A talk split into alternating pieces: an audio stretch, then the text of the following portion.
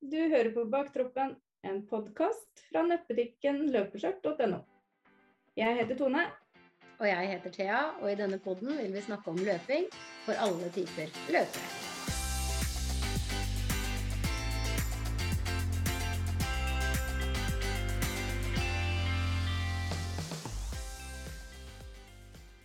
Denne ukas produkt fra løpeskjørt.no, det er Raceday Cap. Det er en løpecaps fra amerikanske Trailheads som er spesielt laget for løping. Capsen er i luftig mesh og har lang nok og bred nok brem, sånn at den skygger godt. Bremmen har også refleks foran, og i tillegg er den mørk under, sånn at ansiktet holder skyggelagt og gjenskinnet reduseres.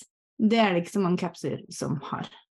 Jeg har hatt min caps i ti år, og den er mye brukt og vaskes ofte, men den er fortsatt like fin i fasongen, og den er ikke slitt. Så den er ganske holdbar. Caps beskytter ikke kun mot sola, men også mot regn, så det er et løpetilbehør man bør ha. Racer Cap fås i både dame- og herremodell i flere farger. Den koster 450 kroner, og med rabattkode POD15 får du 15% rabatt. Den finner du på løpeskjørt.no. I episode 22, rett før sommerferien, da snakka vi med mannen min, Stian Løkken, om Norseman som han skulle delta på 5. august. I denne episoden følger vi opp og hører hvordan det gikk. I dag har vi med oss en Norseman. Det er ikke hver dag vi har. Hei, Stian. Hei, Tone. Og hei, Thea. Kan jeg bare få lov å legge til at vi har ikke bare med vår Norseman, vi har også med vår supporten. Eller en av eh, heierne. Heiagjengen. Ja, heia, ja, ja. Det er vel ganske strengt med support og heiagjeng på Norseman, er det ikke det? Jo, det er det. Ja.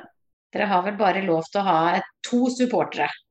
Maks Ja. to support. Det var, du kan gjerne ha, du kan ha full bil, men det er kun to av de som er registrert som får lov til å hjelpe til. Altså, om en står med flagg og heier litt, sånn, det, det er greit, men ikke lov til å gi meg noe og, og ikke lov til å supportere, annet enn med motiverende ord. Det er jo lov. Ja, for du, ene stedet vi stoppa, det var ingen andre mennesker der. Men uh, du, eh, du snudde deg for at jeg skulle ta ut et eller annet av lommene på trøya di. Jeg bare nei, jeg kan ikke ta i noen ting. Nei, Nei, det var en, du skulle bare holde hanskene mens Ronny ga meg noe, eller noe sånt. Ja, det var et eller annet. Jeg bare nei, det kan jeg ikke. Men gratulerer, Stian. Det er Tusen ganske takk. stort å være en norskmann. Det er jo verdens, en av verdens hardeste triatloner. Ja, det er det. Det er jo like greit å bare, bare begynne der det er verst. Jeg har jo, Mm. på, jeg har jo ikke vært med på noe triatlon sånn, eh, på sånn distanse før. Jeg var med på Østfold triatlon for eh, ja, ti år siden, kanskje. Ja, Det var, det var 400 meter svømming og to, to mil på sykkel og fem kilometer løping. Hvis vi skal legge inn tallene på den Norseman du har vært med på nå, så Mm. kan du fortelle hva, hvor langt eh, var de ulike distansene? Det er 3,8 km svømming, eh, 180 km på sykkel, og så skulle det ha vært en full maraton til slutt. Men pga. Uh, litt eh, dårlig vær så ble den kutta ned, så for min del så ble det 32 km på slutten. Mm, riktig. Og det er, en, det er jo ikke en målgang som Oslo Maraton f.eks., som har en rett og fin målgang. Dere er jo på vei opp til Gaustatoppen. Dere er på vei opp fra Rjukan og opp til Gaustablikket og til slutt opp til Gaustatoppen. Ja da, så det er egentlig en stigning på 1800 meter, men uh, jeg fikk Fra 25 km er det jo bare oppover. Ja. Så er det totalt, altså, hvis du skal se på Marsmann, det, det beskrivelsen, så er det 226, eh, 226 km og 5235 høydemeter med sykkel og løping til sammen. Ja. Det er litt mer enn Sankthanshaugen. Den satanshaugen blir plutselig bare sånn der sommerfuglhaugen, liksom. Sånn, ja, ja. ja. Ja. Men føl føltes det, og hvordan, hvor, hvor skal vi begynne hen, egentlig, Stian? Hvor vil du begynne? Vi kan, skal vi begynne helt ifra vi kom av? Vi, eh, for å få litt god start, da, så, så starta jeg og Tone opp hjemmefra på, allerede på torsdag. Mm. Så vi slapp å kjøre hele distansen på, på morgenen der. Så vi kjørte opp til, eh, til Geilo, så sov vi der en natt. Og så sta, starta vi med å plukke med oss supporten på Geilo stasjon Morgenen etter. morgenen etter. Så kjørte vi opp til eh, Eidfjord, og så var vi der sånn ca. klokka tolv på fredagen. Så da hadde vi jo hele dagen der til å, til å gjøre alt. Og det var jo hele Eidfjord var invadert av hele Norseman, så det var jo folk og Mm. support overalt. Og masse flagg og, og Mm. Så det var, eh, det var morsomt, det. Så da var det bare å gå inn i hallen, ta med meg support og registrere oss og vise at vi hadde sekkene med det innholdet vi skulle. Og... jeg sjekka dem gjennom. Kan ikke Tone være med der heller, liksom? Jo da, vi var med inn. Men Ja. uh, de, sjekker, uh, de sjekker sekkene de skal ha med seg, både support og utøver. Mm. Ja, for det er en del til utstyr du må ha. Du må bl.a. ha regntøy, og så må du ha en sånn eh, pose, redningspose du kan pakke deg inn i. Eh, og så må du ha med mat og drikke og ja, litt sånn basisting. da. Så det er en liste med mandatory utstyr som du må ha. Og det sa de jo på premieutdelinga nå eh, i år, at eh, nå i år fikk dere bevist hvor viktig det er at dere har det utstyret i sekken, for været snudde i løpet av to minutter. Mm. Da var det jo skikkelig uvær. Så Ja. man trenger det man har i sekken. Ja, absolutt. Ja, så er klokka fem om morgenen, da, er den ikke det? Klokka Nei, den starta litt før det. fordi eh, vi hadde jo delt oss opp litt. Så jeg og de supportgutta mine, eh, Ronny og Morten, vi skulle sove i en hall i Eidfjord. Eh, mens Tone og Wenche de sov på hotell i Ull Ullvik. Ja, jeg vet ikke hvem jeg ville vært av dere. Jeg tror kanskje jeg hadde villet vært Tone. ja. Men du kan jo fortelle litt om disse supportene dine, da. Hvem er de, og hvorfor valgte du dem? Jo, eh, jeg valgte jo de, de to supporterne fordi eh, jeg trengte noen som var litt uh, erfarne folk. Og, Ronny er jo en fjellmann av dimensjoner. Og vant til å kjøre bil og, og vant til å pusse sjøl. Så han vil jeg absolutt ha. Eh, og Morten er en eh, veldig habil syklist, også vant til å gå i fjellet og, og veldig kjent over Hardangervidda. Og begge to er vant til å sykle. Eh, jeg har trent mye sammen med dem. Og, eh, og de kan litt sånn eh, mekanisk også, så hvis det hadde skjedd noe eh, underveis, så kunne de hjelpe til med litt sånn småting.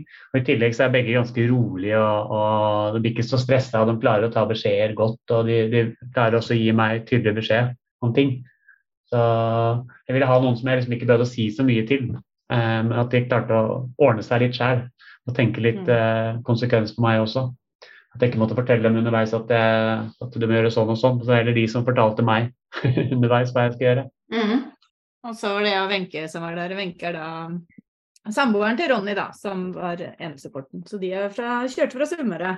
Ja, en særen. Så Ja. de var heiagjeng. Så og det var veldig greit å ha, ha alle sammen. fordi supporten må jo stoppe på faste steder. Og så er det strenge regler for hvor de får lov til å stoppe, og du må stå med alle fire hjul utafor veien. Og, og hvis ikke de stoppa, så kan du risikere at, uh, at jeg kan få på disk, eller jeg kan få, få straffe, straffetid. da, Hvis ikke de Mm. følger med. Så jeg måtte ha noen som på en måte visste hva de drev med. For det er jo litt regler underveis med at man kan ikke hjelpe andre. Er det ikke noe sånt òg? At supporten kan kun hjelpe deg? Ja, ja, supporten er kun til for meg. Selvfølgelig Hvis det skjer Ja. et uhell med noen, eh, så må de kunne det, Man plikter jo å hjelpe andre hvis noen plutselig er i en farlig situasjon. eller det er noen ting som Ja. skjer. Så, men sånn i hovedsak skal de hjelpe meg. De skal ikke gi mat eller drikke til noen andre. De er der for, min, eh, for, for å hjelpe meg da, og ta med mitt utstyr. Så de Ja. var jo også delt opp. Så den ene var på en måte hovedansvarlig, og den andre var ansvarlig nummer to. Og så fikk de hvert sånn bånd på armen. Sånn så at eh, Ronny da skulle hjelpe meg i sone transittone 1. eh, Ja, for i skiftetonen er det kun én support som kan hjelpe, var det ikke sånn nå? Jo, på svømming. Eh, På svømming, kun, ja. ja, for da måtte han være med meg inn på morgenen når vi sjekka inn, eh, sjekka inn sykkel. Og da gikk de over sykkelen og sjekka bremser og lys og at alt var i orden. At jeg hadde det utstyret jeg trengte.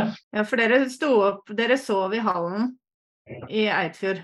Ja, vi sov i hallen i Eidfjord, og så sto For det var jo ikke hotell å oppdrive i det hele tatt. Nei, det var helt umulig. Det har vært utsolgt. Mm. Jeg prøvde å sjekke der i et år. Det har vært helt Ja. fullt hele tiden. Så da sov dere i en hall sammen med masse andre deltakere. Ja, vi var vel omtrent 20, 20 stykker der eller noe sånt, tenker jeg. Ja. Eh, sto vi opp sånn kvart over to, så skulle vi levere sykkelen mellom tre og, og halv fire. Så vi var der nede og leverte sykkelen. Satte igjen all, eh, alt tøyet og alt jeg skulle ha. Det hadde jeg en boks som var merka med sykkel. Så det var planlagt hva jeg skulle ha på meg, hva jeg skulle spise, og alt det lå i den boksen. Ja, for du hadde fordelt i fire bokser. Jeg hadde fordelt i fire bokser. Én til, eh, til uh, svømming. Den var ikke så veldig mye igjen i etter at jeg kledde meg det. Men veldig greit å ha den og slenge våtdrakta i når eh, den var våt. Mm. Mm. Eh, Så det er en til sykkel, som sto der nede da på transittsone 1, eller T1, og så er det en til løping. Ja. Det er, eh, ja, så den siste til mat, ja. Og den var en annen farge, som liksom ikke skulle være bil. Men det sto på hver stasjon, eller sto det i bilen til support? Det, det sto i bilen, eh, men eh, på, når vi leverte sykkelen om morgenen, så leverte vi også den boksen med sykkelutstyr, og satt Ja. den i en egen sånn kasse som var der. Ok, Så det var kun sykkel dere leverte på forhånd, liksom, sånn at når du skulle løpe, så sto det i bilen? Ja, Ja. Ja, Mm. for det jeg har skjønt av en vanlig triatlon, eller en vanlig Ironman, eller de forskjellige triatlonene, så er man jo ikke selvforsynt. Da får man jo drikke og Eller ja, alt av arrangøren underveis. Men her er dere jo selvforsynt. Og du har jo supporterne som må ta med seg alt av ting og Ja, det som er forskjellen her, er at er gjerne en eh, vanlig Ironman, nå har ikke vært med på det, men i hvert fall den lille triatlonen jeg med på, så, så har du jo vending på samme sted. Transitt, Ja. eh, er på samme sted, så når du kommer opp av vannet og setter sykkelen din, så kan du ta deg en bar, og så kan du sykle av gårde og komme tilbake. Når du skal skifte til løping, så bare skifter du til løpetøy, og så står sykkelen fremdeles igjen der. Det er samme Mm. sted. Mens på Norseman så, så kommer du jo eh, på T1, og så skal du videre, ikke sant? Til et nytt sted. Så du er veldig avhengig av supporten. At uh, Veldig avhengig av supporten og at det er de eh, gjør det de skal og Ja, absolutt. mm. Ok. Ja, så da er jo utstyret levert, og Eller i hvert fall sykkel satt på plass. Sykkel satt på plass og boks med utstyr til sykling satt på plass. Og så skal jeg om bord i ferga som skal ta oss ca. 4 km ut i en eh, mørk og kald fjord. Men hva tenkte du da, når du gikk om bord i ferga? Da tenkte jeg at eh, det var sånn der eh, skrekkblanda fryd. Jeg gikk og skalv litt sånn jeg gikk om bord. Det var jo ikke kaldt, det var jo ca. 15 varmegrader eller noe i lufta. Og hadde jeg på meg liksom en genser og våtdrakta og sånn, da. Hva var det i vannet, tror du? Hvor mange grader var det i vannet? Mellom, det var ca. 17 grader. Ja. Ja, mellom 15 og 17 var det eh, innover, for det forandra seg litt. Så vi måtte være om bord i den ferga, for den skulle gå klokka fire. Så jeg gikk vel om bord i den sånn kvart på fire-ish.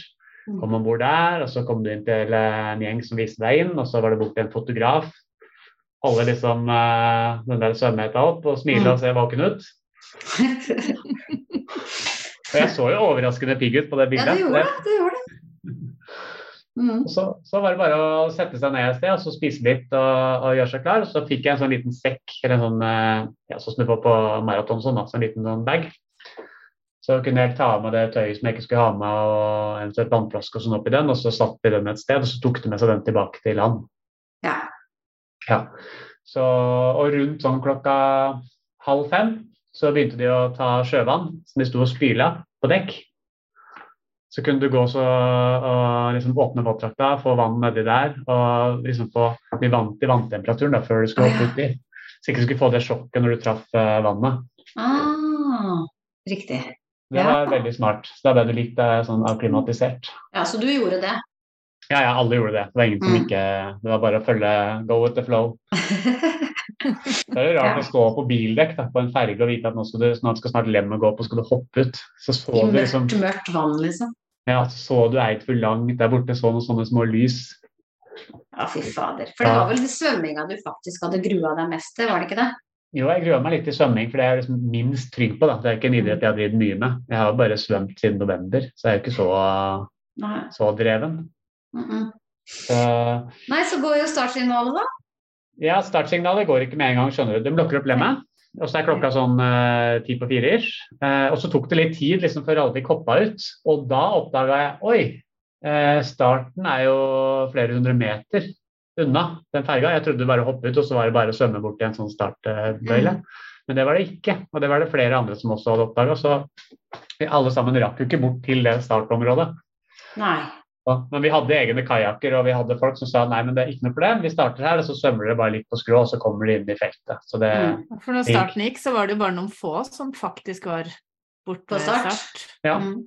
Fordi ferga lå litt lenger unna, da for å ikke forstyrre noe ja, for Og så var det jo, slapp de vel bare så og så mange om gangen som kunne hoppe, for at ikke alle skulle hoppe på hverandre. Var det ikke noe Ja. sånt òg?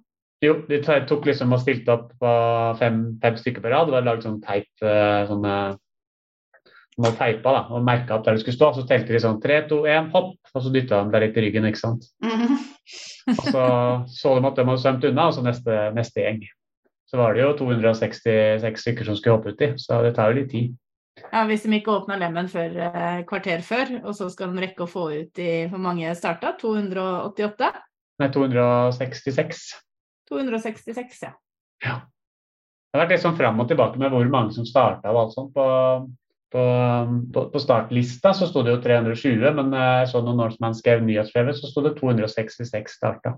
Mm. Ja, så da var det egentlig bare å komme seg ut i vannet, begynne å svømme. Og så de, de, Den tida jeg svømte, det gikk veldig, veldig fint. Jeg fikk god flyt. eh, Alt gikk fint. Jeg måtte titte opp av og til bare for å sjekke at jeg var på rett vei. det var lagd et bål inne på land, og så var det en sånn øh, lyskaster som du så ganske greit. Mm. Så ble det jo lysere og lysere etter hvert som vi svømte. Mm. Så når jeg var eh, nesten inne ved land, så skulle vi holde helt til høyre og skulle vi runde en bøye og skulle svømme langs etter land bortover. Og så skulle vi gå i land omtrent ved det hotellet som lå der nede.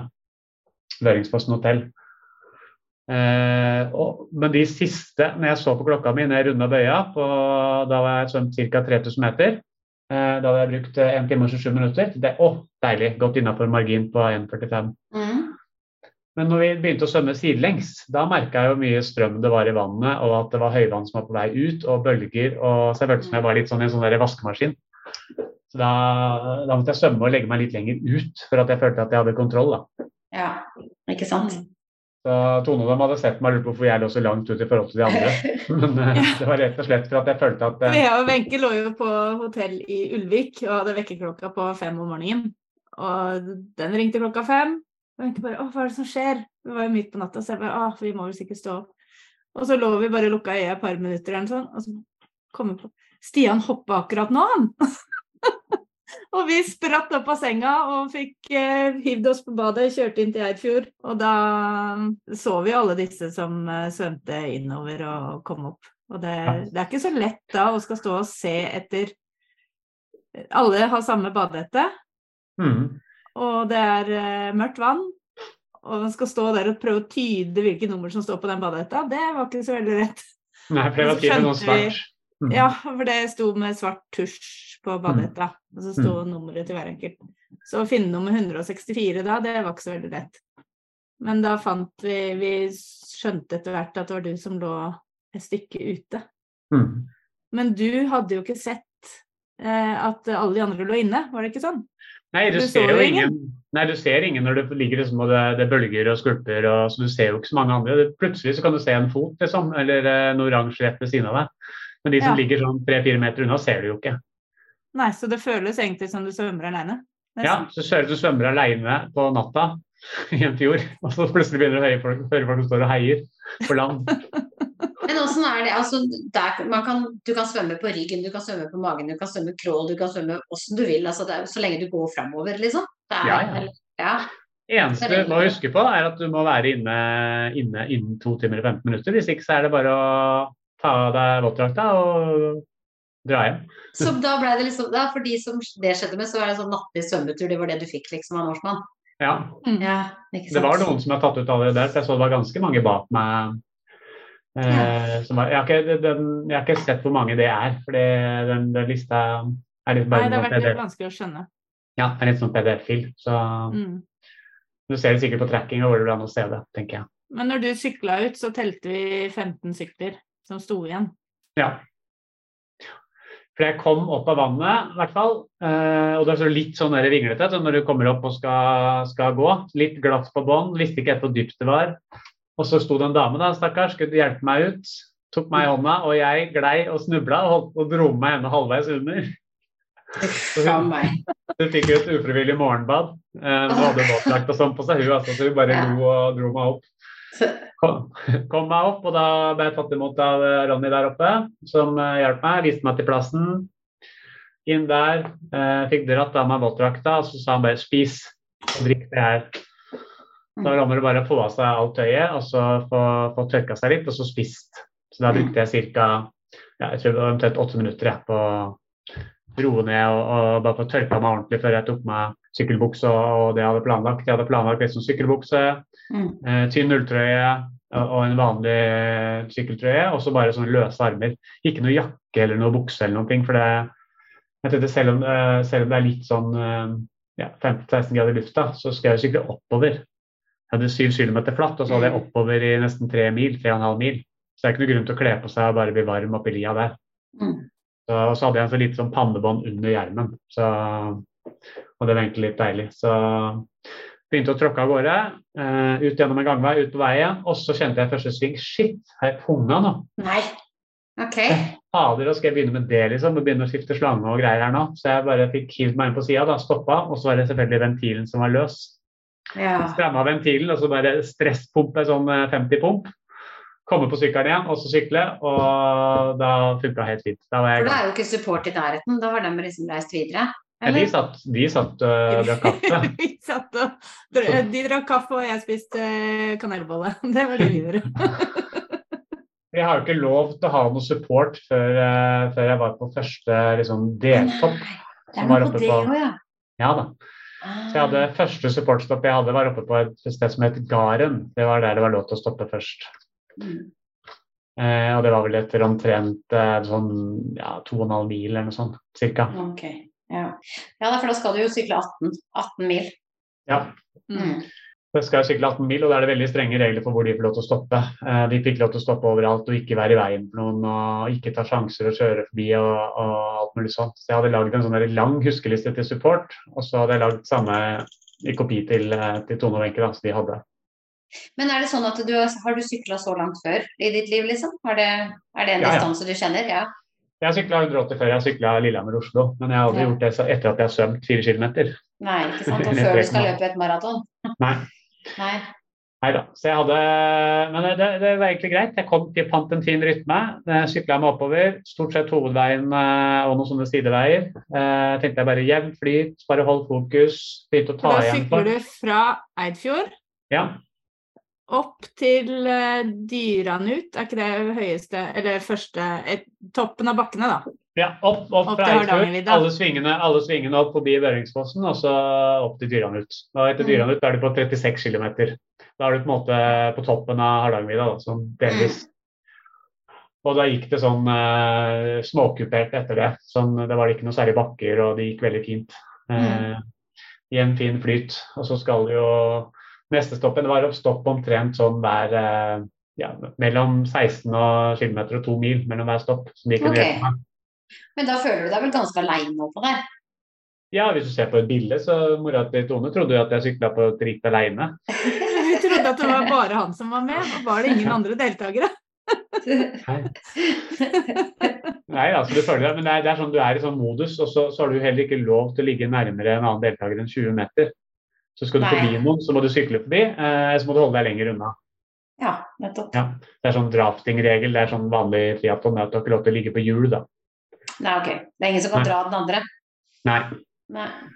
Så jeg satt egentlig bare da og koste meg. Hadde sånn delmål, prøvde å spise og drikke. Eh, visste at hvis ikke jeg drakk opp og spiste opp det jeg hadde i baklomma nå, så fikk jeg kjeft på neste stopp. Mm. Fordi Ronny og Morten var veldig på det. Har du drikke nok? Har du spist opp? Vil du ha noe mer? Og gjorde ikke jeg det, så stappa de meg og sa at det var fint, da får du stoppe her og spise. Får ikke lov til å sykle videre før du har spist opp den brødskiva. Nettopp. Og det er jo sånn det skal være. Ja, og drikke. Så jeg, jeg fant meg en sånn egen rutine der jeg bare fylte på med næring hele veien. Mm. Så Og du fikk beskjed når det var eh, lurt å ta på seg jakke. yes. Når vi kom etter uh, Dyranytt og eh, neste stopp igjen, så fikk jeg beskjed å ta på meg jakka. Eh, for da begynte det å bli litt sånn kjøligere været. Vi var på fjellet, så da fikk jeg på en vindjakke, regnjakke.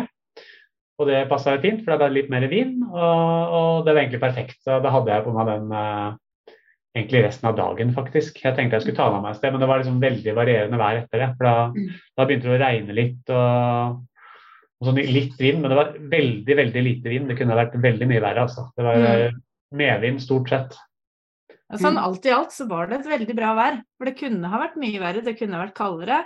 Du, Ja. du kunne til og med ha fått sludd over Hardangervidda. Ja, ja, ja. Det kunne ha vært motvind. Ja. Det kunne ha vært enda mer strøm og sånne ting når du svømte. Så alt i alt. Ja. Selv om det var meldt lyn og torden på Gaustatoppen, og de sa på informasjonsmøtet kvelden før at det er mulig toppen blir avlyst. Ja. Så det var jo klar over på forhånd. Ja. Men uh, alt i alt så var jo ikke været så gærent. Nei. Det var bra temperatur. Ja. Så jeg gikk- gikk det egentlig bare, bare, bare radig, altså. Der, over der. Mm. Har man lov til å høre på musikk underveis, liksom? Har du lov til å ha ørepropper i øra? Nei. Nei, det er ikke lov, nei. Ikke lov. Du kan få lov til å bruke AirPods eh, når du har igjen eh, når du har passert 25 km på løping. Altså når du bare har igjen en zombiehill, egentlig, så er Ja. det Ja. Å ja. Og Å, jeg tror jeg hadde blitt ja, ja. er man aleine. Du må tenke, tenke gode tanker og prøve å glede deg over de små tingene som er. og Se deg rundt. og Jeg prøvde liksom å nyte øyeblikket og se meg litt rundt. Så, og så visste jeg det at når vi kom til f.eks. Haugåstøl, da, Mm. der skulle tone, eller jeg visste at det var en eller annen som skulle se etter meg der. Eller Ja. Ustadhuset. Ja, på Men jeg visste ikke akkurat helt hvor, men jeg visste at jeg kunne se etter noen. Mm, ikke sant? Og du fikk vel pizza og support underveis òg? Ja, når vi kom uh, ned til Geilo, da var vi, da var vi halvveis, 90 km. Eh, rett etter Geilo sentrum så kom jeg rundt en sving, og så ble jeg vinka inn på en parkeringsplass, og der sto Morten og Ronny med Peppes pizza. Ah, Åssen smakte den, da? Den smakte helt nydelig. Så to-tre biter av det, og så er det bare å sette seg på sykkelen igjen. Og da visste jeg neste mål nå. Nå er det kikke ut, det er en topp. Nå går det oppover, og så går det innover, og så går det ned. Og så sto det et skilt langs veien. Eh, Skjettingplass, og så var det bilde av tre sånne topper. Så skulle det over tre, tre topper som var omtrent like, da. Da var det opp, og så regna det på vei opp. Masse regn på toppen. Oppholdsvei på vei ned. Flata ut, og så var det samme en gang til. Opp, regn på toppen. Og så var det tre sånne topper jevnt. Og, og, og så, så gikk egentlig bare tida veldig fort, for da hadde jeg det å liksom glede meg. Så fram til hver eneste nedoverbakke, og Mm. hadde bare fullt fokus i oppoverbakkene. Ikke noe særlig stopp, jeg bare holdt det gående jevnt. Mm.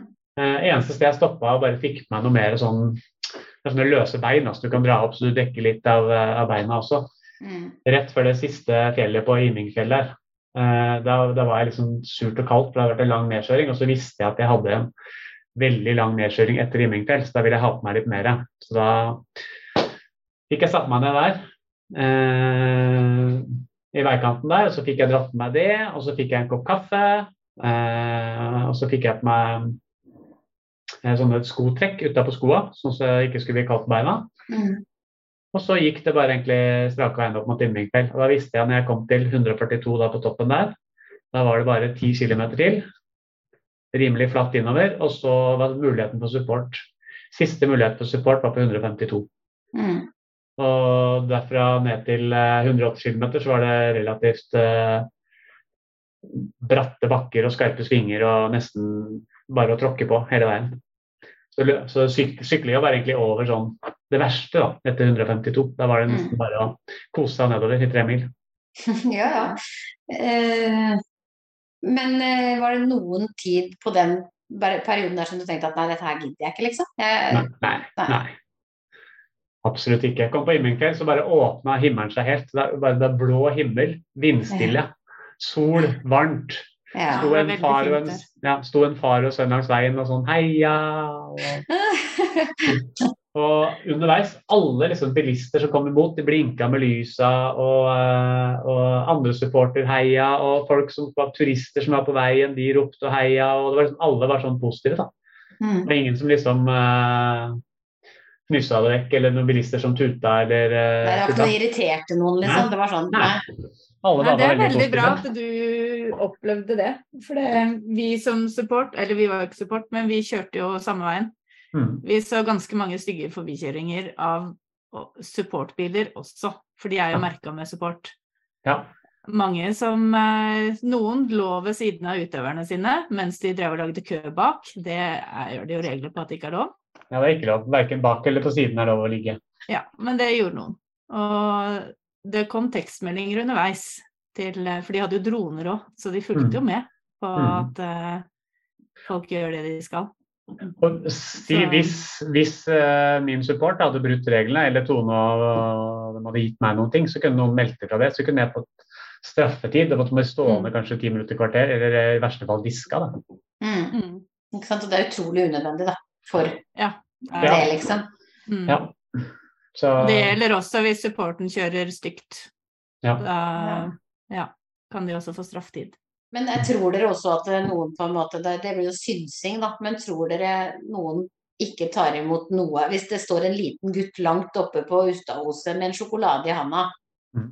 til Jens som kommer på sykkel, tror du ikke noen har tatt imot det tilbudet? Er det liksom, tror dere folk er er sikkert veldig ikke så veldig nøye hvis Jens ligger baki der. Nei. Jeg tror ikke det.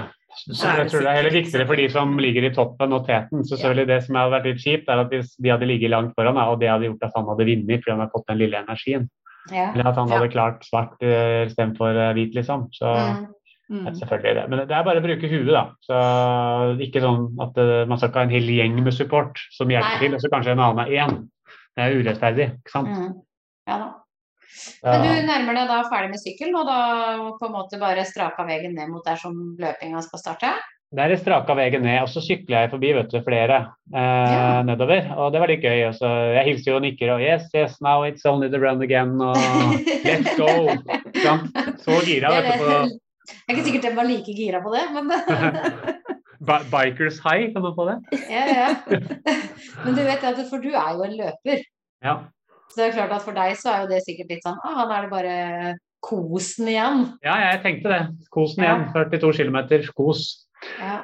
Så nei, kom ned der og, og sikta som sagt forbi noen. Og så var det inn i sonen, og de ropte opp navnet mitt. 'Å, her kommer Stian Løkken fra Norge! Eh, ikke sant? Inn der, og da kom supporten min løpende. Eh, for da får begge lov til å hjelpe meg, da, så tok de sykkelen min, og så geleida jeg meg bort til plassen. Henta en stol til meg, så fikk jeg liksom flekka av meg alt tøyet, og så skifta alt. Med håndkle, selvfølgelig. Ja. det var sånn strippshow på Ja. utafor Tinn i Rjukan. Ja. Nei, da, det er greit å få, få liksom tatt av seg alt, så du får på deg tørt, rent tøy. Da, for da er det liksom ikke for noen gnagesår når du skal begynne å løpe. Mm. Så, så gikk det fint, det, altså. Eh, Mm. Skifta på noen minutter. Eh, jeg fikk eh, spist eh, en banan og så bare drikke litt, og så var det bare å sette av gårde. Shorts og T-skjorte. Helt nydelig vær. Par og 20 grader, sol, blå himmel. Og bare å, å rett og slett uh, kose seg. Så første 50 meteren tenkte jeg åh, det her var litt sånn rart. Rar overgang. Og så bare løsna det helt. Mm. Det å, er veldig lett. Vi, så, Ja. vi kjørte jo forbi det flere steder, og det, det var mange som eh, så litt verre ut enn deg. Når man Ja. eh, starter en maraton med å se ut sånn som man gjør på slutten av en maraton, da er det langt. Ja, her er Men langt. de 25 første kilometerne der er jo relativt eh, De er vel ganske bla, eh, flate? Ja, relativt. Helt nesten flatt. Asfalt. flat. par, eh, par sånne småbakker, liksom, men Ja. ikke, noe, ikke noe styr og stress. Eh, jeg, løp bare, jeg løp først noen hundre meter, og så måtte jeg tisse. Stoppe i Ja. veikanten og bare tisse litt. Og så løp jeg videre, og da tok jeg inn en kar som gikk og hadde veldig vondt. Eh, Snakka litt med han, og så løp jeg, og så plukka jeg bare rygg etter rygg etter rygg. Og så sa jeg til Mm. supporten min stopp hver 50 km, eh, og så bare gi meg noe vann og cola. Trenger ikke noe påfyll av mat eller noen ting. Jeg har så mye å gå på. Ja, for det har de lov til da. På, på løpet så kan de stoppe hvor de vil. Stå hvor, Hvor de vil. vil. Hvor de Ja. vil. Eh, ikke lov til å løpe sammen med meg, eh, men de har lov til å stoppe hvor de vil. Så da sa jeg hver 50 km er fint, da har jeg det som et sånn mål inni hodet, og da kan jeg holde Mm. det bare gående. Og det tror jeg var lurt òg, for da er ikke det så langt. Ikke sant? Nei. Fem kilometer er liksom ikke så langt. Nei, nei, og da delte jeg det opp i hodet, for da tenkte jeg ok, Mm. da skal jeg stoppe sånn fem ganger, og så skal jeg møte supporten min, og så er det opp. Mm. Da hadde jeg sånn delmål hele veien, så da Så hjelper det vel for hodet òg, at du visste at eh, de står 50 km, du ser kjente fjes. Samme Ja. på sykkelen òg, at du ser kjente ansikter underveis. Da er du ikke helt aleine. Ja, ja, det hjalp eh, kjempemasse. Så det hjalp så godt, og jeg var så lett å finne beina, så jeg åpna jo Første halvmaraton så løp jeg på 1,58. Så det Etter å ha sykla 180 km og svømt tre, ja, fire km, siden du måtte Mm. svømme til start òg. Ja. Men det sier jo litt i forhold til hva, hva slags løper du egentlig er, da. Ja, så jeg liker å løpe, jeg liker å løpe lang, sånne Ja. lange, så, så rundt, rundt 5-30 fart, da. Litt, Mm. litt, Ikke så sant? det var helt, eh, helt nydelig. Eh, Jeg syns bare det var kos. Jeg kjenner Eh, at det er litt irriterende, men det er greit. Skal la det, skal la det fly. så var det siste, så visste jeg at ok, nå er det fem kilometer til bort. Eh, så da løp jeg, så ble det plutselig veldig varmt eh, akkurat eh, når vi nærma oss Rjukan der. Så da hadde jeg lite parti hvor jeg bare gikk litt og bare liksom rista beina litt ut. Mm. For da vet du jo at du nærmer deg oppover, på en måte. Ja. Ja, og så gikk jeg litt bort, og så fikk jeg kom jeg bort til der hvor det sto 25 km, og der visste jeg at det var der, så hadde jeg sagt til han Ronny nå kan du bli med meg inn i fjellet, for da hadde jeg lov til å ha selskap. Mm. Så og da bestemte jeg at jeg skulle bare gå fort opp de bakkene. Jeg gidder ikke å bruke masse energi på å løpe oppover der. Eh, Nei.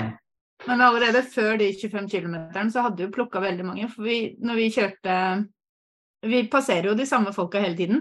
mm, For på sykkel så lå dere omtrent på samme sted alle sammen. Så der vi stoppa var support, så var det de samme folka, eller vi stoppa i hvert fall, og Heide. Ja. mm, Så var det de samme folka vi ofte stoppa sammen med. mm. Og vi så de samme som sykla forbi, og så var det samme på løpinga. Men så når du nærma deg 25 km, eller 20 var det, Ja. da begynte det plutselig å dukke opp masse nye folk på løpinga som vi ikke hadde sett før i det hele tatt. Så det viste jo at du løp fort. Mm. For da begynte du å ta igjen veldig mange som du ikke hadde vært i nærheten av i det hele tatt. Ja, ja. Jeg så mange nye supportfolk og mange, nye, Ja. mange nye deltakere som jeg ikke har sett hele dagen i det hele tatt. Mm. Så, så jeg tok Jeg vet ikke hvor mange jeg tok igjen.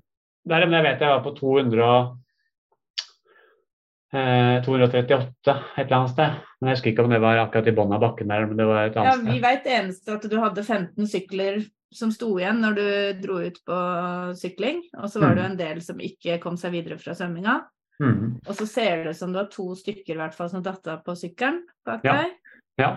Og du lå med ca. 16-20 bak deg på sykkel hele veien. Ja. Men eh, etter du hadde løpt, så dro du bare rygg på rygg på rygg på rygg. på rygg. ja, jeg syns jeg bare tok igjen folk hele tiden, jeg. Eh, Mm. sånn jevnt. Og de, noen gikk, og noen jobba sakte. Og, men jeg hilste på alle og snakka med alle og, og, og ønska dem lykke til og alt. Og ja, når vi kom til 25 i hvert fall, så, så sa Ronny at nå bare nå går jeg så fort jeg Da setter jeg en god fart, og så bare holder du følge med meg. Og så gikk vi bare egentlig jevnt oppover og prata oppover. Sola var der, og vi skulle kose oss opp og bare nyte dagen. Hadde med litt drikke i sekken hans og, og Det er jo litt sånn for å fortelle, fordi du sier hvor mange høydemeter er det fra Rjukan og opp til toppen av Gausatoppen, sa du? 1800. Ja, og bare fra Stavsro opp til Gausatoppen så er det ca. 750. Mhm. Så det sier jo litt hva den zombie hill, da, som de kaller den, egentlig hvor mange høydemeter man plukker da, på Ja. de første kilometerne der. Ja, Ja, for det er var vel 1100 og noe opp til eh, Ja, Ja, opp til Stavsro, da. eh, Mm. opp, ja, opp til toppen av Zombie Hill. Ja, ca. er cirka, cirka 1000, 1000 Ja. høydemeter er det. Og så er det 100 høydemeter til opp til Stavsro. Sånn Ja, det kan nok være riktig. Ja. Så ca. 1000, og det er jo ganske mye på en så kort strekning, eh, Mm. på asfalt i tillegg. Så jeg Mm. tror ikke folk helt forstår hva det betyr da for beina dine når du da har løpt og sykla og svømt så langt. Og Zombie Hill, som vi snakker om, den heter jo ikke Zombie Hill i virkeligheten. Nei. Det er da hele veien som går opp fra Rjukan og opp mot uh, Ja. Nesten til Stavsro. Der står et sånt skilt inn til en parkering midt oppi der. Sånn, uh, så jeg, eh, for vi hadde jo helt, helt flott der. Det er seks svinger da, du skal gjennom. Uh, så er det liksom tatt tid i hver sving. og så visste vi det at nå bare, nå bare gønner vi på. Gikk egentlig hjem, tok igjen mange der også. Tok igjen folk etter folk. Eh, Mm. Så kom vi nesten på toppen av siste sving, så sa, sa Ronny at det er vel sikkert bare rundt hjørnet her, så er vi på det sjekkpunktet. Eh, så at, var det litt til, da sto det skilt, sto 29 tror jeg det sto på skiltet, som det var skilt hver, hver kilometer. Og så plutselig så så vi det lyna, og så kom torden, og så gikk det to minutter, og så bare åpna himmelen seg helt. Mm. Bare kom det det regnet fra liksom, Det bare fossa hele veien, veien foss, og vi bare, bare kliss blaute med en gang. Og jeg hadde jo ikke noe tøy, for det lå jo oppi neste sjekkpunkt. Så Mm. da begynte jeg å bli litt kald, men jeg fikk lånt en jakke av Ronny også, sånn, og så, så gikk det jo greit. Så vi bestemte oss, vi bare gå hjem på, fortsette samme farta, Mm. holde fokus. Så visste vi det at om uh, lite øyeblikk nå, så er vi på 32,5, og derfra så er det bare 5 km opp. Snu der, og så ned igjen til mål, så er vi ferdig. Mm. Ja, for det er jo fra innkjøringa til Gaustablikk eh, høyfjellshotell og opp til Statsråd, som er hovedinnfartsåren til Gaustatoppen. Ja. Mm. Det er en sånn legesjekk og sjekkpunkt som du får lov til å fortsette da, på 32,5. For da Mm. sjekker de liksom om du er fit til å fortsette og, og ja. Ja, de gjør sånn. det, ja. Ja. Mm. Jøss, det er jo kjempebra. ja. Mm. Så det som skjedde når vi kom dit, da sa de eh, beklager, her er stopp i dag. Eh, det er altfor dårlig vær, så de som har gått eh, i forkant nå, som ikke er oppe på Stavsrud nå, de kommer til å bli henta ned. Mm. Eh, dere får målgang her. Dere får godkjent tid. Alt det sto det sa til Ronny, da. Så Mm. jeg sa, så, så han spreker ut til meg, eller? Jeg sa til han ene. Han hadde support vest. Så nei da, nei da. Så du skulle bare informasjon til support og sånt. Så, ja. så da ble jeg geleida i hvert fall til venstre, og så fikk jeg, gikk jeg i mål der. Så da fikk jeg på en måte min målgang der, da, så da ble det jo 32 km løping istedenfor 42. Men er det samme målgangen som de andre som var med på Altså de som kom helt opp til Stavsro og ned igjen? Var det Ja. allikevel samme målgangen, liksom? Akkurat samme sted. Ja. Jeg fikk Bare bare ikke lov til å gå opp til Stavsro. ja. For det skal jo sies at det var jo ingen som fikk kommet opp til Gausatoppen. Ingen, ingen kom på selve Gausatoppen. Så alle måtte gå til Stausrud og så snu der og ned igjen. Ja. Med den parkeringa som, som de fleste går til når de, eller går fra når de skal til Gausatoppen. Ja. Ja. Ble- da fikk jo ikke jeg til å gå den siste delen. Litt sånn irriterende akkurat der da, men, eh, men eh, jeg klarte å fullføre, så det, det var jo veldig fornøyd med det. Så jeg var ja. opptatt- opptatt av at jeg, jeg håper jeg får godkjent, og hvis ikke jeg får godkjent, da går jeg videre. Ja, ja, ja, ja selvfølgelig. Og det, den ser jeg faktisk når man har gjort såpass mye. Så, så du blir jo litt skuffa der og da, Ja. sikkert. Men, eh, men veldig glad for å ha fått eh, godkjent og fullført. Så, men jeg, jeg, det, det, da blir det sånn der, jeg er jo ikke tom for energi, vet du. Nei, Jeg var jo da jeg hadde jo spart. Ja, jeg hadde spart så jeg skulle klare å komme helt opp og så løpe ned igjen. For jeg tenkte Ja, da gå opp dit. løpe ned igjen, ja. Ja. Ja, ja for det Jeg hadde du sikkert ikke eh. Jeg tipper en time til, så hadde mye vært gjort. Ja, det kan nok hende. Det- Det er sånn jevn stigning der, og så er det ganske greit ned igjen, liksom. Ja. Eh, men er det noen som ikke får godkjent når de kommer opp til Gaustablikk? Eh, nei. Det er ikke noe cutoff-tid på norsk? Eh. De har sendt ut eh, Til supporterne så har de sendt ut SMS. New cutoff for white finishers will be at 32,5 km klokka halv elleve om kvelden. Så hvis Ok. de da ikke var oppe ved der hvor Stian ble stoppa, før halv elleve om kvelden, så ble de tatt ut. Ja, og jeg var vel der ti på åtte, Ja. ja, cirka, Mm. på kvelden. Så det var ganske, det var ganske mange bak meg, altså. Så Ja. Mm. Og så Og for å det- fortelle, ja, for litt jeg bare si det konseptet Norsman, så er det jo sånn at de 160 første til vanlig, da, mm, får jo lov å gå opp til Gaustatoppen. Eh, Mm. og får da svart T-skjorte, er det ikke Mm. sånn? jo. Eh, mens de da som kommer etter 160, de får da en hvit T-skjorte og stoppes da rett ved Gaustablikk der. De må, Ja, så de må de- ta en annen runde. Nei, de må, det, sånn som det har vært før, det, det har vært litt forskjellige regler. Men i år så var det sånn at eh, de måtte snu på Stavsrud og løpe ned dit jeg var Ja. toppa. Derfor gikk det Mm. målgang der. Men eh, det var det de 160 første, og at du måtte være der innen 14 timer og 43 minutter, 45 minutter. Ja, så Ja. nå ble det jo sannsynligvis flere enn 160 som fikk svarteskjorte, fordi de tok det på tid istedenfor de 160 første. Ja. Så alle som kom inn uh, til Stavsro i løpet av 14 timer og 45 minutter, de fikk svart. Ja, Uansett hvor lang tid du brukte ned igjen til, uh, til mål, mål, målgang, da. Ja, så du kunne for, så, altså for de, det som jeg forsto, da, jeg har sittet bare lest om det, så var det da innen kvart på åtte på kvelden, så måtte du være oppe i Stavstro. Mm. Og da får du den svarte T-skjorta, og da kunne du jo for så vidt krabba ned igjen hvis du hadde lyst. Du kunne Ja. rulla på ryggen og gått baklengs og Ja, ja. egentlig Eller var det så egentlig var det mål til eh, ti på elleve, eller hva den siste cutupen var. Ja, ikke sant. Ja. Mm, jo, jo. Ja. Mm, så det var litt andre regler i år av været, da. Ja, Mm. og, og, men det som var han, min andre support, han var jo oppe på Stavsro. Og sto og venta på meg og Maroni der oppe, for han skulle være med oss og løpe siste delen ned. Å ja, ja. Det var en sånn seiersgang sammen, ikke sant. Team Mm. eh, Løkken. Mm. Eh, og han eh, ble jo stående der, og så så de bare Oi, her blir det stengt. Og i løpet av to minutter så hadde hele crewet pakka sammen og dratt. Sa de at det Ja. kommer buss og henter dere. Så han sto igjen der sammen med fem-seks andre. Nettopp. Support, som også Support. support. Og de sto der og ja, ja, ja, ja vi kommer nok nok ned.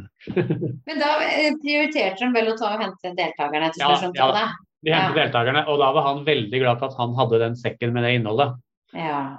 Som han, fordi han som support måtte også ha samme sekk som meg, med regntøy og varmtøy og lue og votter og alt sånt. Mm. Så det er en grunn til at de trengte det tøyet og faktisk kunne ha det greit og varmt. da. Selv om de måtte stå og vente en liten halvtime. Mm. For det været snudde på to minutter. For når de var på vei opp Zombie Hill, så kjørte jo jeg og Wenche bare rett opp til toppen, vi. For vi tenkte at vi, vi får ikke stoppa noe særlig underveis allikevel, for alle supportplassene var jo fulle. Så vi kjørte bare opp til toppen, og når vi svingte inn der hvor det var målgang Vi visste jo ikke da at det var det som var målgang, men da var det sol og fint vær.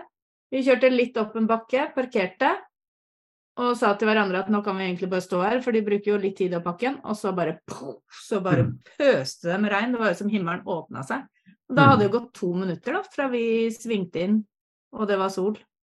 Ja. Og så kom det lyn og torden. Så vi Ja. fikk, lyn, nei, vi fikk regnet først, mens dere fikk lyn og torden først. Ja. Og da, Men eh, ja, for jeg sendte jo melding til deg, Tone, om at det, det været hos meg da, som da bor 50 minutter unna, var jo Mm. krise. Mm. Og jeg bare, hvis det er det som kommer oppover til dere nå, så blir det veldig, veldig synd. Mm. Uh, og det kommer jo lyn i Rjukan, for jeg har jo den lynappen fra jeg jobba nettopp på Gausatoppen. Så har jeg jo Mm. den lynappen, uh, for der skifta været. Altså i et bom, der var dårlig en vær. Mm. Ja, ja. Og det, det er veldig fascinerende, faktisk. Og det er ganske Ja. skummelt. Så det var jo det de sa da på det premieutdelinga etterpå, at nå ser dere bevis for hvor fort været skifter i fjellet, så hvorfor det er viktig å ha med Mm. det vi krever at dere skal ha med i sekken. Og folk jubla jo da, så de var jo godt fornøyd med at, eh, at arrangør tar det ansvaret, da. Ja. Mm. Men det er jo utgjort da, at det er liksom Men det kunne jo vært enda verre, for det kunne jo vært Helge. Det kunne nei, Hans. Hans. Været hans. Ja. Da kom bare noen dager etterpå. Det, altså, da hadde det jo ikke gått, ikke sant? Nei, nei. Det er jo, Nei. Nei, vi snakka om det i går når vi satt og For nå er det jo Hvilken dag er det i dag? Det er torsdag. Ja. Mm. Og Norseman var jo nå i helga. Mm. Så vi snakka om det, for vi dro jo da for en uke siden nå. Og når vi så på alle disse ødeleggelsene til eh, Hans, det uværet som er nå, og det har vært eh, i de samme områdene som vi har vært, Mm. Mhm. så hadde Norseman vært den helga her, så hadde det jo ikke vært noen Norseman. Da måtte vi bare avlyse. Ikke sant. Nettopp. Mm. Men vil du gjøre det igjen, Stian? Jeg kan bli med som support, jeg, tenker jeg. Ja. Mm. Nettopp. Ja. Ja. Så det er én gang og ferdig med det. ja, for jeg tenker eh, nå klarte jeg å fullføre målet mitt. Selvfølgelig Hadde jeg, hadde jeg vært brutt eller ikke fått fullført eller godkjent, så måtte jeg gjort det en gang til. Eh, men jeg fikk jo godkjent. Og jeg fikk eh, hvit T-skjorte og veldig veldig fornøyd med det. Eh, jeg kom liksom, fikk den der opplevelsen på ferga, jeg fikk opplevelsen av løpet og ritt og, og alt sammen. Og det der gruppebildet og den der stemninga. Så jeg er eh, veldig, veldig fornøyd. Så Og så var du på en måte med det året det blei så dårlig vær at de måtte avlyse. Jepp. Skjønner du? Det Det er liksom litt sånn det også. Det er litt sånn, Ja. ja, det var jo det året, det, ja. Ikke sant? Da Ja, stengte ja. de, og det var jo krise. det er jo sånn det er. Ja, så sitter man selvfølgelig og tenker at ja, bare jeg hadde sykla litt fortere, bare jeg hadde løpt litt fortere der. Men så tenker man sånn, ja, det, det hadde liksom, jeg måtte vært en time raskere. Så Ja, vi har Hadde jo jeg- regna på det noen ganger nå, og Ja. det, det kunne kanskje ha gått til svart T-skjorte med knapp margin, mm. Men da hadde du jo ligget under et sånt der evig press hele Ja, ja, ja. veien, og sikkert hatt litt høyere puls. Opplevelsen hadde sikkert vært dårligere. ja. Og det er ikke sikkert at det hadde blitt Det kan hende at du hadde mista den svarte med akkurat ikke fått den. Det hadde jo vært mye surere. ja. det er det jo bedre bedre å ha en god opplevelse. Oh yes, oh yes. Og det er det, er det jeg syns er så veldig fornøyd med. Og, men det som er litt gøy, da, eh, er jo at eh, jeg har jo den aller beste løpetiden av alle sammen. På to, ja, det var det? Av de Ja, som av alle de løp, hvite. eh, alle de hvite. Ja, nettopp. Nærmeste er person er nærmest, den som er nærmest, er 16 minutter unna. Ja, nettopp. Ikke sant. Så det sier jo litt. Ja, så jeg løp på er jo tre, tre timer og 50, 50 minutter. Og beste dame etter meg er på 4.06. Nettopp. Ja, du løp på hva da, sa du? På tre? Tre timer og 50 minutter på 32 km. Og med den med 1000 meters høy stigning. Ja, Mm. Ja, så det er jeg superfornøyd med. Så, Ja, Og så var det dame som var bra etter deg. ja det var det som, ja. ja, dame For det så vi oppover både Zombie Hill og før eh, på hele maratonen, egentlig. Mm. Det, damene var det sprekeste, altså. De løp best og lettest. De var de tøffe, og noen oppover. menn òg, selvfølgelig, men det var flere menn som sleit og så stive ut i beina enn det det var av damer. Av de vi passerte, i hvert fall. Så da kan du egentlig slå fast at du er en løperstian, og sånn er det. Og så er det Mhm. morsomt at du utfordrer deg med litt andre ting i ny og ne. Ja, ja, ja. ja. Så jeg tror jeg, jeg, jeg, jeg, jeg ser nok ikke gjøre det men jeg har lyst til å gjøre heller litt andre sånn type triatlon. Kanskje litt kortere. Mm. Og litt mer sånn, sånn eh, lokale, sånn Oslo-tri eller et eller annet. Og så ikke de Mm. lengste. For da trenger du ikke all den organiseringa og planlegginga rundt. Det, der, det er ikke vits i å ta verdens eh, hardeste. Nei, nei, jeg har gjort det, på en måte. Ja, ja, ja. Så, men, men vi måtte jo selvfølgelig på Så hadde jeg sagt til Tone lurt på sånn, jeg skulle pakke med noe turtøy og sånn. Så sa nei, vi kommer ikke til å orke å gjøre noe dagen etter likevel. Det blir bare sofaen og alt. Mm. Så, men, men vi hadde jo orka både bankett på kvelden etter, eh, etter dagen, da, for da var det litt eh, energi eh, igjen. Eh, var oppe og For de har uh, buffé på Gaustadykk Ja. for alle Som deltakere. ligger i deltaker... Nei, vi kjøpt, kjøpte, kjøpte det utenom, da. Eh, Ja. Så vi, var der, vi kjøpte det og spiste der oppe, og så orka til og med å ta en, eh, ta en øl der oppe og litt Ja, bobler og greier. Så litt overskudd. Satt oppe til, tror jeg satt oppe til søndag klokka tolv, jeg. Ja. Det hadde ikke jeg orka. Så ja, det var gøy. Så dagen etter så sto vi opp, starta dagen rolig. Eh, og så fant vi ut etter hvert Nei, skulle vi tatt en tur på Geistatoppen, da? Ja. Vi var jo på premieutdeling, da. Ja, vi var på premieutdeling på morgenen. Eh, fikk utlevert eh, T-skjorter og fellesbilde og Ja. så de som vant og alt sånn. Og så dro vi ned på hytta igjen og så bare Nei, ta litt frokost og Så fant vi ut Nei, nei vi, vi skifter og så går vi på Gaustatoppen. Kjører opp til Stavsrud, og så går vi siste opp. Mm. Så da, så da ble det til at Tone og jeg vi kjørte opp til Stavsrud, gikk opp på Gausatoppen, eh, tok banen ned igjen. Eh, siden jeg skulle ha Rømsviken min, da, så løp jeg selvfølgelig fra der vi banen kom ned, opp og henta bilen. Da fikk jeg fire kilometer løpetur da òg. Ja, ja. Da har jeg løpt og vært hele traseen egentlig. Da mangler jeg bare én kilometer som jeg ikke har vært innom. Herregud. Og vi møtte veldig mange andre Norsemen. Både damer og menn som var på vei både opp og ned. Som Ja, ja, ja. sikkert da hadde følt det at nok- det Ja, de følte de måtte ha den toppen, tror jeg. Ja, ja. Var det, liksom, det var ikke noe særlig utsikt, men det var vær nok til å gå der, da. Ja. Og fin Ja. temperatur og alt. Ja, ja. Vi så bare tåken når vi kom opp der, men det gjør jo ingenting. Ja, Nei. så er vi han, han supporten, eh, han ene supporten min, han Ronny, han eh, gjorde det litt eh, hev- enn oss. Altså han løp liksom opp til hytta der vi bodde, som var rett nedafor der jeg kom i mål, og så løp han opp på toppen og løp ned igjen. Ja. Ja, Og var hjemme på hytta før oss. Hjemme på hytta lenge før oss, ja. ja. Holdt på å glemme en ting, vet du hva? Eh, Det er sånn tilfeldighetene, vet du. Siden han ene supporten min, Morten, var oppe i Han ble jo stående sammen med noen andre supportere der oppe. Mhm. Og så hadde vi stått og prata litt om at det siden det ikke var noen medalje og sånn, da. Eh, Ja, for det er det ikke, nei. Nei, det er ikke medalje. Det er jo ikke noe Alle får bare den eh, Eller bare. eh, alle får den T-skjorta, som er veldig viktig. Ja. Eh, litt sånn holy grail. Mm. Det er vel heller ikke noe pengepremie eller noe sånt til vinnerne Ikke noe pengepremie eller noen ting. Ingen får, alle får det samme. Så dere får en T-skjorte. Det er T-skjorta. Mm. Svart eller hvit. Mm. Eh, og det er det. Og så får du heder og ære og fellesbilde. Mhm. Og det er mer enn stort nok. Men så Mhm. hadde jo han, han supporten min hadde blitt stående og snakke med noen, da. Mm. Eh, så han kom ned på hytta, på hytta etterpå, og sa du, jeg har en overraskelse til deg. Eh, Snakka med noen som var her oppe. Eh, og så tok hun ut en medalje. Og det sto Norseman på, og så sto det en liten sånn quote bakpå. da. Og det viste seg at han ene der han hadde lagd eh, to medaljer til kona si. To forskjellige varianter.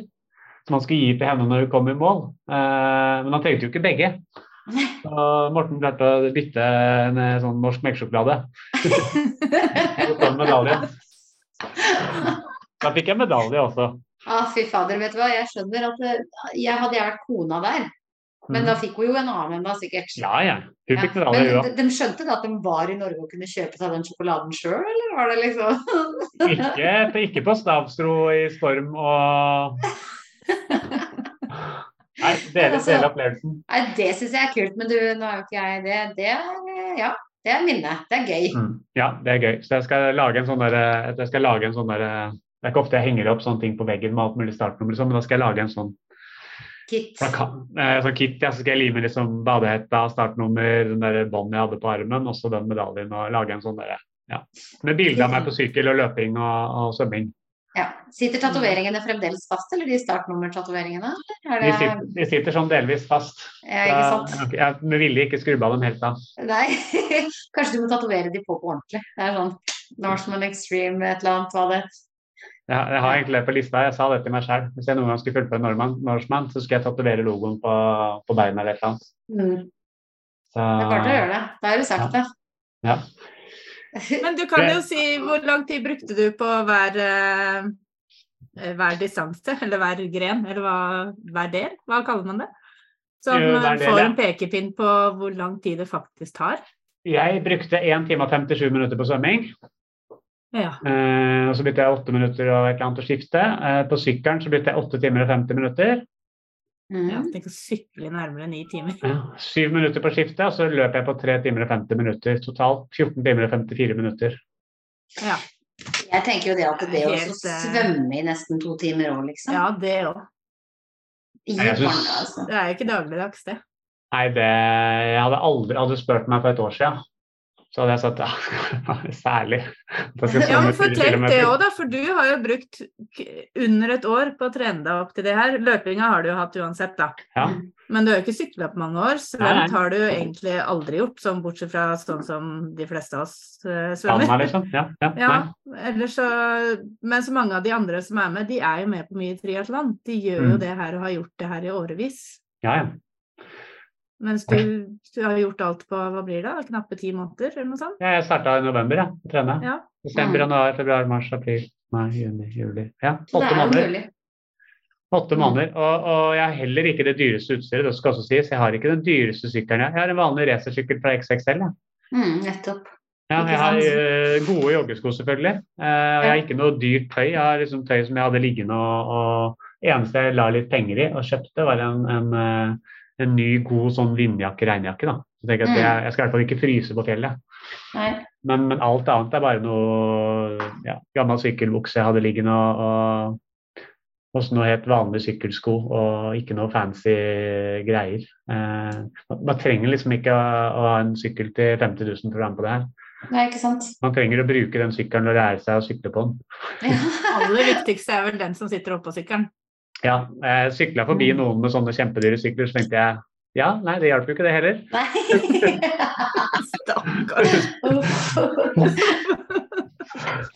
Faen, jeg fikk ikke medalje, for å si det sånn.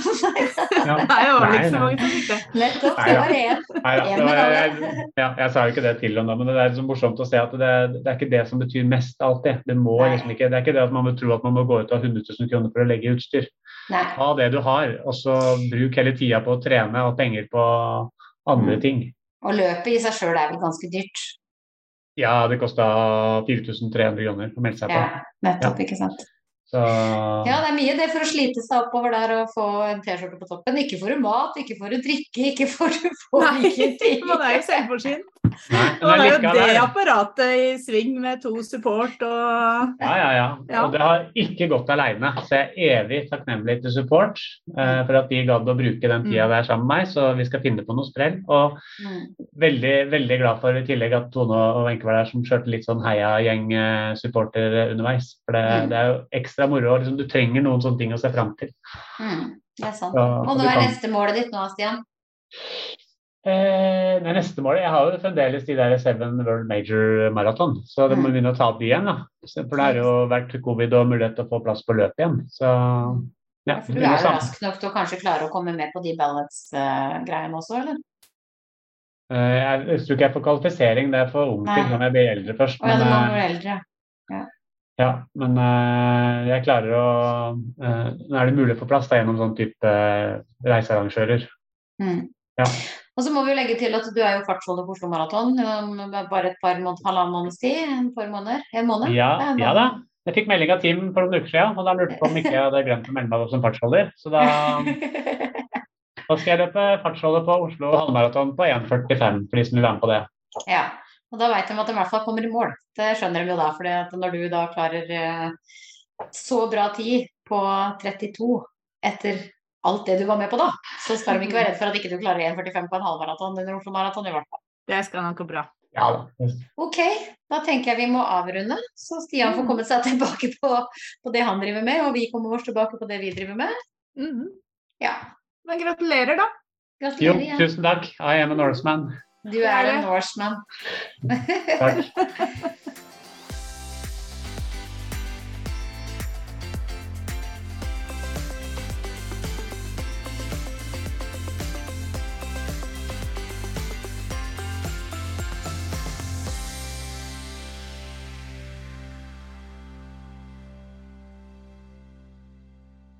Du har nå hørt en episode av podkasten Baktroppen fra nettbutikken løpskjørt.no med Tone Nordung Pettersen og Thea Stenersen. Podkasten er redigert av Eileen Marking Nordang. Hos Løpskjørt finner du et stort utvalgt treningstøy og praktisk tilbehør til deg som løper. Nettbutikken finner du på www.løpeskjørt.no.